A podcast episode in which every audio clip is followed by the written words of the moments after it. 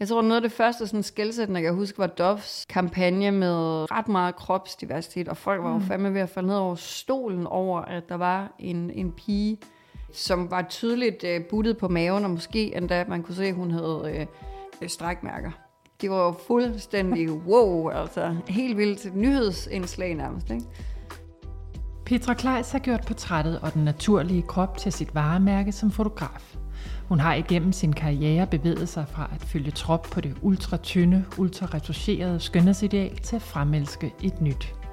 Et, hvor der er plads til strækmærker, mørke render og bløde deller, og det har gjort hende til en af tidens mest eftertragtede mode- og reklamefotografer med ikoniske fotos som det der, du nok husker af den nøgne Tobias Rahim, og dem af Andrea Rudolph på forsiden af Eurowoman, da hun var allermest syg af kræft. De fotos og en hel del flere kan du nu se på Frederiksborg i Hillerød, hvor hun er aktuel med en stor soloudstilling i de kongelige sale. Peter Kleist, velkommen til dig. Og tak. tak. Tak fordi du vil øh, komme ind i studiet til os her.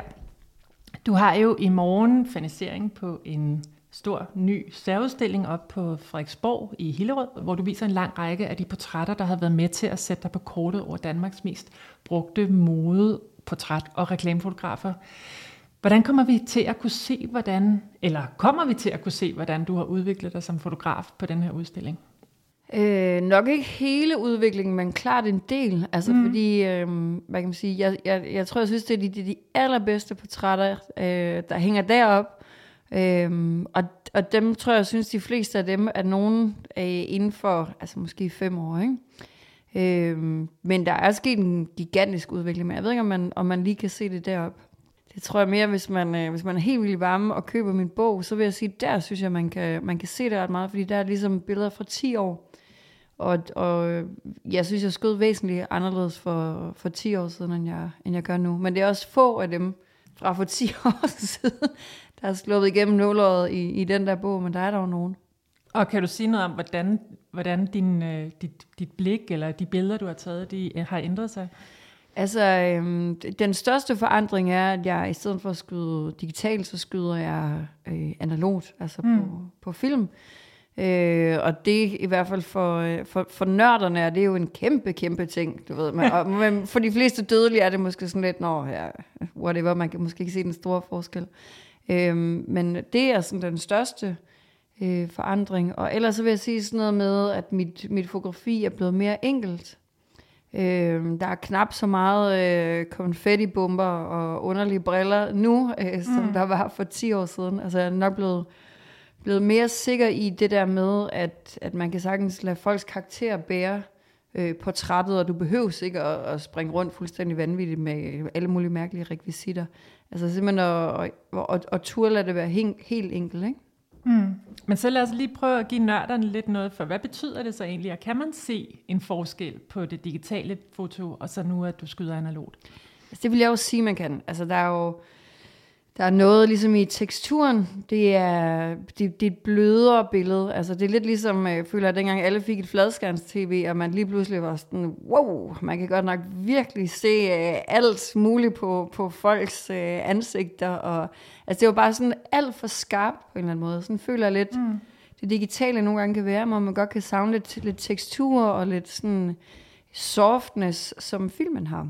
Plus der er... Uh, Altså, der er noget i tonerne, der er anderledes. Øh, der er også ting, der er efterladt til fantasien, fordi selvom man øh, er dygtig til at skyde film, så kan der altid fuck et eller andet op. Altså, du kan jo ikke se dit produkt lige med det samme, så der er alligevel lang vej fra, at du skyder billedet til det, du ved, skal tages ud af kameraet. Der mm. kan der fuck ting op, ikke? Du skal også have det ned til, til laboratoriet og have det fremkaldt. Der kan der også ske ting. Altså, der kan bare... Du, der kan også have siddet et eller andet på dit øh, objektiv, du ikke har været klar over, som har lavet en eller anden lille whatever, refleksion eller et eller andet, at det der med, at der lige er 10%, der er overladt til, hvad end der måtte ske, er bare mm. fedt, fordi man kan blive virkelig positivt overrasket, og det der med, at man får ofte en gave i de der fejl, der sker. Altså, det er sjældent, at jeg sidder og tænker, fuck, det ødelagde hele mit billede, at der er en fejl i det, som er opstået øh, i processen. Tværtimod så har det kun været en gave hver gang, og en, ligesom sådan en, en ekstra lille spice til det, man, man havde gang i, og man er også meget mere tilbøjelig til at hvad kan man sige, acceptere fejl. Mm. Eller også øh, i stedet for at have 400 billeder at vælge imellem, så har du måske 30. Eller mindre. Altså bare det der med, at man, at man koncentrerer sig mere, fordi det koster penge hver evig eneste gang, du trykker mm. på, på kameraet. Ikke? Øhm, jeg, jeg elsker den der proces, og har altid synes det var underligt med, med fotografer, som skød en trilliard billeder, fordi 99,9 procent af det ryger i en skraldespand, mm. og så skal du bruge et billede. Ikke? Altså vi er ligesom på en eller anden måde, vi går for meget med livrem og seler, i stedet for ligesom at, at lade, igen lade noget være op til, til universet. Og til, jeg synes, de 10 procent med fejl, det lyder ret rart ja. i sådan en verden også, hvor folk kan sidde og nærmest retuschere på deres telefon alle fejl væk, så vi fremstår ja. så super duper perfekte. Ja. Peter, kan du huske første gang, at du opdagede, at du havde sådan en form for, nu kalder det magt, men altså den indflydelse, du, du, du har med dit kamera, og den, den måde, du tager billeder på? Altså, at det ikke bare var øh, motivet, der fortalte en historie, men at du faktisk også kunne være med til at fremkalde den her historie?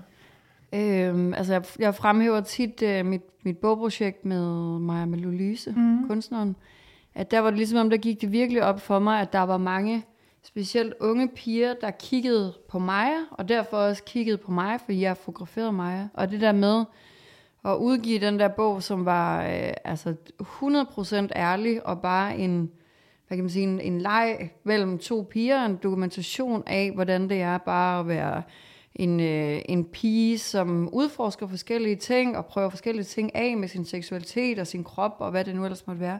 At det der med, at der var mange, der kiggede med, øh, tror jeg bare, jeg var enormt rørt over. Og jeg hørte mm. også nogle historier med, at folk i gymnasiet, der ikke havde råd til den, øh, købte den i en gruppe, og så gik den ligesom på omgang, og så kunne man låne den og kigge i den og blive inspireret, eller grine, eller hvad man nu havde lyst til. Altså, der, det tror jeg bare, det var, det var ret vildt for mig, at det på en eller anden måde var sådan en, et lille bitte nedslag i noget i vores samfund, som måske har betydet noget for nogen. Ikke? At, at den der frihed og leg, vi havde, den kunne man ligesom give videre. Kom den så også til at definere dit arbejde fremadrettet, eller påvirke det på en eller anden måde? Synes jeg helt klart. Altså, mm. Igen det der med, at retuschering blev lagt fuldstændig på hylden i den der bog, det gjorde ligesom, at jeg ikke kunne gå tilbage til det, det var inden. Altså det, det, det blev bare noget, noget andet, og jeg tror også min, altså jeg blev lært af mig meget om at, øh, hvad kan man sige, kigge kig på kroppen også med nogle andre øjne, og øh, og det der med, at der også, øh, altså hun sagde aldrig et negativt ord om sin krop, nogensinde. Mm. Og op til det skød jeg ofte især kvinder, som var meget sådan, ej, hvor ser jeg træt ud, nej, hvor ser jeg gammel ud, ej, hvor ser jeg tyk ud. Så det var altid sådan en, uh, så fikser man lige lidt i Photoshop, og så bliver folk lidt gladere for deres billede, i stedet for ligesom bare at, og, øh, altså, være glad for, hvordan man ser ud, og også acceptere det. Eller i hvert fald, du ved, give lidt slip på den der sådan ekstreme øh, forfængelighed, der kan være, ikke? Og det tror jeg, altså det lærte jeg meget af det der projekt, det der med på en eller anden måde længere hen ad vejen at acceptere, hvordan man så ud, fordi mm. det er altså skønne spildte kræfter at gå og, og tænke alt for meget over det. Så hvis man kan lade være, så, så tror jeg, man får et, fed, et federe liv. Men oplever du så nogle gange, at folk faktisk, når de så hyrer dig ind til en opgave, bliver overrasket over, hvad de får? At det måske at de troede, de var friske på det uretuscherede, men at de så måske alligevel bliver lidt forskrækket over, hvor, øh, hvor nøgen de så fremstår. Øh, ja, altså jeg, jeg, jeg tror, jeg tror ofte så tænker folk, at, at, at jeg har lavet nogle, nogle sjove, interessante billeder, og, og gerne vil være en del af det der, og når man så ligesom selv skal, hvad kan man sige, skal, skal stå og, øh, og, og, at blive fotograferet øh, på den måde, jeg nu fotograferer på, man måske også acceptere, at, at post-tingen ikke ryger et eller andet sted til et retuschværksted, og så går de bananas der, ikke? Det, altså det er da helt klart en ting, de fleste måske har været sådan, ui, når jeg, der, den del følger jo også med. Altså jeg kan ikke huske nogle konkrete eksempler, men jeg ved, jeg ved at det er sket. Man skal måske også nogle gange... Øh, jeg ved ikke, altså det, det, lyder arrogant, men pas på, hvad man ønsker sig i forhold til, hvis man gerne vil fotografere sig af mig. Det er nok, altså jeg tror jeg måske heller ikke så meget, det er retuscheringsdelen, folk kan blive skræmt over. Det er måske mere, tror jeg, at det kan være et billedvalg, for eksempel. Mm. Altså det der med, at det, det er sjældent, jeg vælger det, det smukkeste billede, især hvis jeg laver portrætter, fordi at for mig er det uinteressant. Det er til gengæld meget mere interessant med noget, der har lidt nerve, eller igen en fejl, eller at man ser whatever ud på en måde, man ikke ser hver evig eneste dag, eller som ikke er perfekt. Jeg tror, det er, det er måske sværere. Specielt hvis folk ved, åh, oh, men der var jo, der var jo det der vildt flotte, helt perfekte billede, ikke? øhm, ja, jeg tænker, det kan være mere skræmmende. Mm. Men du er jo virkelig blevet kendt også nu for, øh, altså ikke bare, jeg behøver vel nærmest ikke nævne Tobias Rahim, fordi han er ligesom en af de mange, du har skudt, ja. men nu også det der mere mangfoldige kropsideal. Altså, oplever du meget, at det er det, folk også køber ind på, også når du bliver når du også skudt blandt andet Sofie Linde i, i undertøj, men at, at det er det, folk også køber ind på? Ja, især i starten, tror jeg, mm. dengang, at der måske ikke var så mange fotografer, som, som også ligesom fagnede det. Øhm, der tror jeg helt klart, det var en ting, jeg blev hyret på, men nu tror jeg mere, jeg bliver måske hyret på, at mit portfolio fortæller, at jeg kan få, hvad kan man sige, få folk et sted hen, hvor de er komfortable med, og også vise den del af sig selv. Altså, at det er, at det er jo ikke, øh, altså det der med at skabe et rum, hvor, hvor alt ligesom er okay, og det er helt okay, 100% igennem den måde, du ser ud på. Altså jeg tror mere, det er, det er nu, fordi det er blevet så hvad kan man sige, nu har, nu har alle de store ligesom fundet ud af, at øh, hvis man skal være en del af gamet 2023, ikke, så er man nødt til ligesom at, at have noget kropsdiversitet. Mm. Øhm, så derfor så er der selvfølgelig også langt flere fotografer, der, der, der skyder øh, mere diverst, ikke? Gudskelov. Mm. Jeg har hørt, at du har sagt i et interview, at du siger i dag nej til job, som du synes, der er ligegyldigt. Men, men hvad er et ligegyldigt job? Eller hvornår for, jeg kan også spørge på en anden måde, hvornår for et job betydning? Det gør det, når jeg kan være med til at præge det. Hmm. Øhm, nu skal man passe på, hvad man siger, fordi det er nemt at være selektiv, når man har noget at lave, og jeg er sikker på, at den dag, hvor jeg ikke har noget at lave, der er langt mindre Sådan er gamet jo selektiv og ydmyg. Men... Ikke? Men for eksempel sådan noget som e-com, som rigtig mange fotografer skyder og synes er, er, er et øh, absolut fint job, og dejligt for dem, og så videre. Det er fuldstændig, er fuldstændig uinteressant for mig, fordi jeg kan ikke præge det på nogen måde. Altså det er ligesom, det er mere en, en dokumentation af noget tøj for eksempel. Mm. Øh, hvis man er meget låst i opgaven, hvis art directoren ligesom allerede ved, hvad det er, jeg skal lave, har, synes jeg også, det er uinteressant, fordi så kan jeg ikke, altså, så kan jeg ikke præge det. Jeg er dårlig til at få vist et billede og få sagt, det er sådan her, jeg vil have det. Kan du ikke lave det? Det har, det har aldrig været god til. Også fordi jeg ikke er god øh, altså sådan til, til det lysmæssigt. Så lad os sige, at der er et eller andet særligt lys på det der billede, så vil jeg heller ikke vide, hvor jeg skulle starte. Altså det er der bare mange andre, der er meget bedre til. Altså til gengæld så er jeg sindssygt god til, føler jeg, at få en opgave og få sagt, løs den på den måde, du vil. Og så vil jeg altid ligesom, altså sætte bare en højt, og jeg tror, jeg lærte på et tidspunkt det der med virkelig at gøre mig umage hver gang. Øhm, altså, mm. Og det gør jeg jo også, fordi at de der opgaver betyder noget for mig, fordi jeg ikke er ligeglad med dem. Så, så det er interessant, at jeg kan sætte mit eget præg på det. Men det der med at sætte, kan du tage os lidt med ind i sådan en beslutningsproces? Altså, hvor tidligt kommer du ind i en proces omkring en kampagne, hvis nu det er det? Ja, Jamen, øh, det, er, det er meget forskelligt, øh, hvem man skyder. Man kan sige, øh, man kan sige sådan noget som Vogue for eksempel. Vogue har en holdning til, øh, hvad kan man sige, hvad der skal ske. Mm. Øh, men den er meget sådan helikopteragtig, ikke? Og så kylder de ligesom over til øh, stylisten og jeg. I det her tilfælde jeg arbejder meget sammen med Vibe, Vibe ja. Dabelsten. Øhm, og så begynder vi ligesom at nørkle ud i, jamen, hvad skal vi gøre? Skal vi, skal vi være ude i naturen? Skal vi være hjemme ved folk? Skal det, skal det være meget båret af styling, eller skal stylingen øh, et helt andet sted hen, om det skal handle mere om karakter, eller hvad skal vi gøre med det her? Altså med Vogue kan man sige, der er der altid en kæmpe stylingsting, fordi Vogue er et modeblad. Præcis. Øhm, så det betyder rigtig, rigtig meget, og det er ligesom et, et benspænd, jeg har, det der med, at der skal vises meget tøj. Øhm, og det er ikke nødvendigvis, fordi jeg synes, det er verdens fedeste benspænd. Mm. Øhm, men, men det er ligesom, sådan er det med dem. Hvis man skyder øh, Eurowoman eller Euroman for eksempel, så har jeg arbejdet med dem så lang tid nu, at, at de ligesom er helt ok med, at, at øh, jeg får præsenteret, hvem jeg skal fotografere og så får jeg lov mere eller mindre at gøre, hvad jeg vil. Øhm, og så går jeg tit ind, hvad kan man sige, som det første billede-googler folk og finder ud af, hvad der egentlig lavet. Fordi nogle gange, så vil man jo gerne lave, altså klichéen, det åbenlyse billede, men det er der ofte andre, der, der også har fået ideen til at lave. Øh, så man sikrer sig lige, at man ikke laver præcis det samme, mm. som alle de andre har lavet. Øhm, og så læser man måske en lille bitte smule om, hvem de er, og så opstår der ofte en eller anden idé øhm, inde i mit hoved til, hvad det er, der skal ske. Altså, jeg har altid været øh, privilegeret lige på den front med, at jeg har været god til ligesom at vide, hvad jeg vil. Øhm, det har også været en hemmesko, fordi nogle gange så har jeg villet nogle ting, de andre ikke ville, øh, og så har det været en dealbreaker for, for alle i virkeligheden. Ikke? De vil mm. ikke det, jeg vil, og jeg vil ikke det, de vil. Øhm, så hvad kan man sige, jeg forlanger lidt, at folk øh, stoler på, hvad jeg gerne vil, og at, at jeg godt kan det. Øhm, men, og hvis de så gør det, så gør jeg også mit absolut bedste. Men jeg er dårlig til ligesom at blive påduttet en anden idé, hvis jeg nu har fået en meget genial, genial idé jo. ja, ja øh, det lyder som øh, ikke helt kompromisets kunst, men i hvert fald, at man, øh, man ved, hvor man skal sætte foden ned. Ja. Der er jo meget snak lige nu, eller ikke bare snak, men der sker jo rigtig meget i modebranchen. Nu er det meget den, vi, det er det, vi skriver om og beskæftiger os med her i den her podcast. Hvordan kan du mærke på sådan lidt mere overordnet plan, at der er ved at ske noget? Der er sket noget? Altså, der er, der er 100% sket noget. Hmm.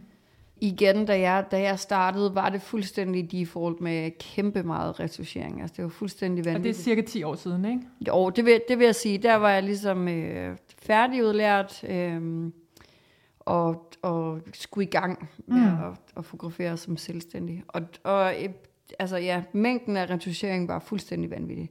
Øh, der var jo altså, der var kun én type krop, og det var den meget, meget slanke øh, model. Og, og ofte var hun ikke engang slank nok, så blev hun jo også gjort længere og tyndere. Ikke? Altså, det var jo fuldstændig sindssygt. Altså, der, det, det var fuldstændig utænkeligt, at man kunne se uh, strækmærker, eller deller, eller øh, en, en rande under øjnene, som vi jo faktisk alle sammen har. Mm. Øh, men på en eller anden måde har vi fået overbevist os selv om, det har det er der nogen, der ikke har, men det er jo så, fordi de er blevet fjernet i en computer, kan man sige. øh, så alle går for lidt nederen over deres render under øjnene, som alle har. Altså sådan noget mm. der, der er fuldstændig latterligt. Det har gjort så mange dårlige ting. Ikke? Altså alle modeblade handlede om, hvordan man var på slankekur. Om det var juicekur, eller om det var... Mm. Altså hvad fuck det var ikke. Der var hele tiden slankekur, hvordan man tabte sig på 14 dage, og altså alt muligt latterligt. Og, og, og så skete der ligesom noget, øh, måske altså for øh, fem år siden. Mm. Jeg tror, noget af det første sådan skældsættende, jeg kan huske, var Doves øh, kampagne med, med ret meget kropsdiversitet, og folk var jo mm. fandme ved at falde ned over stolen over, at der var en, en pige, som var tydeligt øh, buttet på maven, og måske endda man kunne se, at hun havde øh, strækmærker. Det var jo fuldstændig wow, altså helt vildt nyhedsindslag nærmest. Ikke?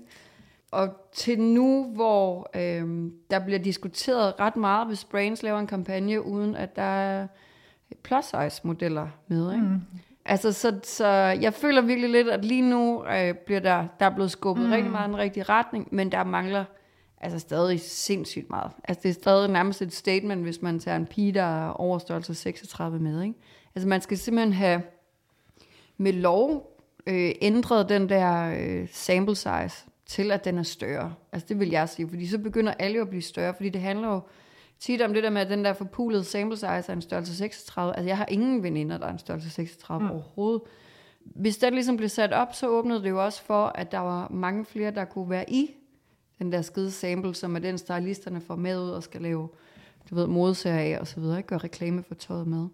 Ja, og som influencer kan låne, tænker jeg også. Ja. Øhm, ja. Til deres egne billeder. Ja, men, men tilbage til, hvad du spurgte om, der er sket sindssygt meget. Men igen, der kan skade, øh, stadig ske øh, langt mere. Altså det der med, at det skal være noget, vi ikke tænker over. Altså, mm. det, det er jo, altså tit så bliver det jo castet så tænkt, at det nærmest falder til jorden. Så selvom du kaster super divers, både i øh, køn og farve og størrelse, så, så vil folk pege fingre af dig og sige, uha, det er godt nok tænkt det der. Altså, så du kan nærmest ikke vinde, øh, ligegyldigt hvad du gør. Vi, skal, vi, vi er bare nødt til på en eller anden måde at ja, lade være med at snakke så meget om det, og bare gøre det et eller andet sted. Ja. Nu får jeg da alligevel til at sidde og snakke om det. Ja. Jeg kan godt lige tænke mig lige sådan, og, og, øh, og bare lige faktisk gå tilbage til, nu sagde du også, der var vildt meget retuschering, da du startede som fotograf. Ja. Købte du selv, altså hvordan har du selv ændret dit blik på, hvad der er smukt og skønt, Købte du også ind i, jamen selvfølgelig skal man se sådan ud dengang? Ja, Og fuldstændig. hvor- hvornår begyndte du at mærke en modstand mod det? Nu nævnte du selv dit projekt med, Ja. med Maja Lyse der, Ja. øh, og det bogprojekt. Men hvornår mærkede du selv, at, at der skulle ske noget andet? Altså, øhm, jeg, jeg købte totalt ind i det, fordi det var det, øh, alle gjorde. Og det, ville være fuldstændig utænkeligt, hvis jeg lige pludselig gjorde noget andet. Jeg tror, den der følelse, jeg kan huske, folk var meget sådan, at når man havde taget et billede, så skulle man lige gennemarbejde det i Photoshop.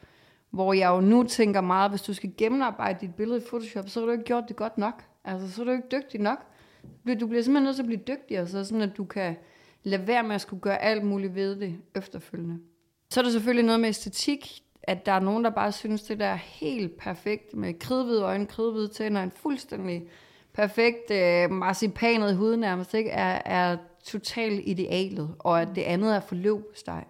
Altså det, det bliver jeg jo nødt til at respektere, fordi det er jo et udtryk for personlig smag. For mig, der mister det total nerve, så snart jeg kan se, at det er photoshoppet. Jeg ved ikke, hvad det er, men der er bare et eller andet, der slår klik ind i min hjerne, hvor jeg tænker, det der, det er, ikke, det er i virkeligheden ikke personen, der er på billedet.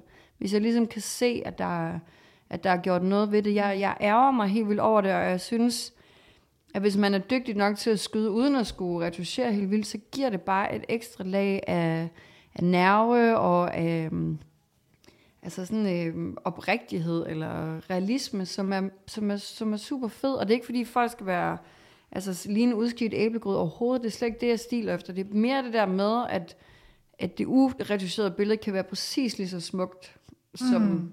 det retuscherede. Og, og i virkeligheden måske meget smukkere, og, og igen har meget mere nerve. Øhm, men det var altså 100% øhm, vendepunktet med bogen. Jeg ja. kunne ikke gå tilbage. Det var, øhm, altså det var, det var fuld retuschering op til, ændre det fuldstændig efterfølgende. Altså hvor, jeg, hvor det blev minimalt. Altså virkelig, ikke? Mm. Ja. Spændende. Vil du være lige her til sidst, så mm. kunne jeg godt tænke mig, at vi lige vender tilbage til din udstilling, fordi det er jo sådan set det, der lige var krogen til, vi hæver dig ind her i dag. Ja. Og der er jo simpelthen portrætter af personer som Hendes Majestæt Dronningen, Holger Bæk, Kjeld og Hilda. Tænker også, Tobias Rahim måske har fået en, en plads Han deroppe. har også fået en lille plads her. Ja, men er der øh, et billede, eller måske du må gerne nævne et par billeder, som du kan fremhæve, som du af den ene eller den anden grund er særlig stolt af, eller som har bevæget dig særligt, enten billedet eller processen med det? Der er, der er virkelig, virkelig mange, og, og, og jeg glemmer dem ofte, fordi der har været så mange, og når jeg så kigger på billederne, så kan jeg huske de der historier, men, men øh, jeg kan nævne øh, nogle få kort. Øh, Holger Bæk var for vild, han var fuldstændig håbløs, og øh, lave en aftale med. Vi, det, vi brugte måske tre uger på at svare hinanden i øst og vest, og til sidst så kørte jeg simpelthen øh, til Østerbro og, og nærmest passede ham op i bilen, mens han kom øh, tullende med sin nettopose og greb ham og kidnappede ham nærmest ind i bilen. og fik ham med op på mit studie, sådan lidt forvirret, men han var sådan, nå ja, det var da faktisk egentlig det, vi skulle i dag. Og så sad han ligesom, mens jeg gjorde klar, og, og, øh, og fuldstændig analogt synkede sin øh, 2022-kalender til sin altså, fysiske lille 2023-kalender. Så han startede ligesom fra i telefonbogen med A, B og så videre med, hvem der ligesom, hvad de hed og deres nummer. Og det var bare for sindssygt det der med at møde et menneske, der var så lidt digitalt, og sad der og brugte tid på det i sin egen verden, og forklarede mig nogle ting, hvor altså, jeg havde røg ud af ørerne og fattet ingenting af det, han sagde, men han var så tydeligt begejstret over, hvad han fortalte, at det bare, øh, altså ja, det er jo nærmest ligegyldigt, hvad han snakkede om, fordi han var så fed bare i det, han fortalte om det. Og jeg elsker de billeder, jeg synes, de har en varme, og han er, øh, altså han er bare nice, han har en øh, fed, sådan lidt nutty professoragtig karakter, og så har han bare et fantastisk ansigt, og et fantastisk smil, og altså man kan ikke andet end at, at elske ham. Øhm, og sådan i modsatte sådan stemningsmæssige grøft, så vil jeg sige billederne af Andrea Elisabeth, som er taget på et tidspunkt lige inden hun sådan rigtig for alvor går i gang med sin kemoterapi. Hun har fået de første behandlinger, hvilket gør, at når hun, hun har klippet sit hår helt- kort, men når hun ligesom rører øh, ved sit hoved, så, så drysser noget af håret af, så vi er alle sammen meget opmærksomme på, at vi, mm. vi må ikke ligesom falde af, fordi vi vil gerne lige gemme øh, det sidste hår til de der billeder, inden det ligesom falder helt af. Og, og vi ved alle sammen det der med, at lige om lidt, så skal hun altså mentalt og fysisk bestige Mount Everest, og der er ikke nogen af os, der ligesom kan kan, man sige, kan hjælpe hende, og det er ikke bare øhm, øh, et sikkert, hvad der kommer til at ske. Så jeg tror bare, alle var bare øh, så sådan, altså følelsesladet og, og, og også i beundring over, hvor, øh, hvor stærk hun var, og hvor smuk hun var, og hvor sårbar hun var. Og, og vi lavede nogle fantastiske billeder, det var en fantastisk dag, og da jeg ligesom gik ud i, i bilen efter det der shoot, der, der sad jeg og græd og bare tænkte, jeg, altså jeg ville simpelthen gøre alt for, at det, at det her det ender godt, og at hun kommer ud på den anden side og bliver rask og glad, og, og, og ja, altså kan overleve sin sygdom. Og det gjorde hun jo heldigvis. Øhm, mm. Det er ikke længe siden, jeg var ude at spise med hende, og, og hun er bare fuldstændig vidunderlig, åbent, smukt menneske, så, så øhm, ja, det var, det var bare for vildt at se hende i den der så sårbare mm. situation, hvor vi alle sammen virkelig havde lyst til bare at, at, at, at altså, kramme hende så meget og holde hende ind til os, og love hende, at alting blev godt, ikke? Så der bliver dit ansvar også øh, meget og passe på hende. Ja. kunne jeg forestille mig. Ja, det var, altså mit ansvar med det var det der med ligesom at skildre den der situation, mm. men også virkelig passe på hende, og virkelig passe på, at man ikke ligesom går for langt, eller begynder at dyrke noget, hun ikke har lyst til at dyrke, og det endte faktisk med at blive, synes jeg, en, altså en virkelig sådan smuk og, og positiv øh, fotosession. Altså der er mange mm. sådan varme, store smil og grin, men der er også, der er helt klart også en, en sårbarhed i de der billeder der. Men det blev en, ja, det blev en positiv ting, men, men det, var, det var virkelig, det var voldsomt. Det var det. Mm. Men jeg vil glæde mig til at gense billederne, og tak fordi du delte den proces og det, det fine arbejde, du gjorde med de billeder lige der. Selv tak. Og tak fordi du kom, Petra. Selv tak.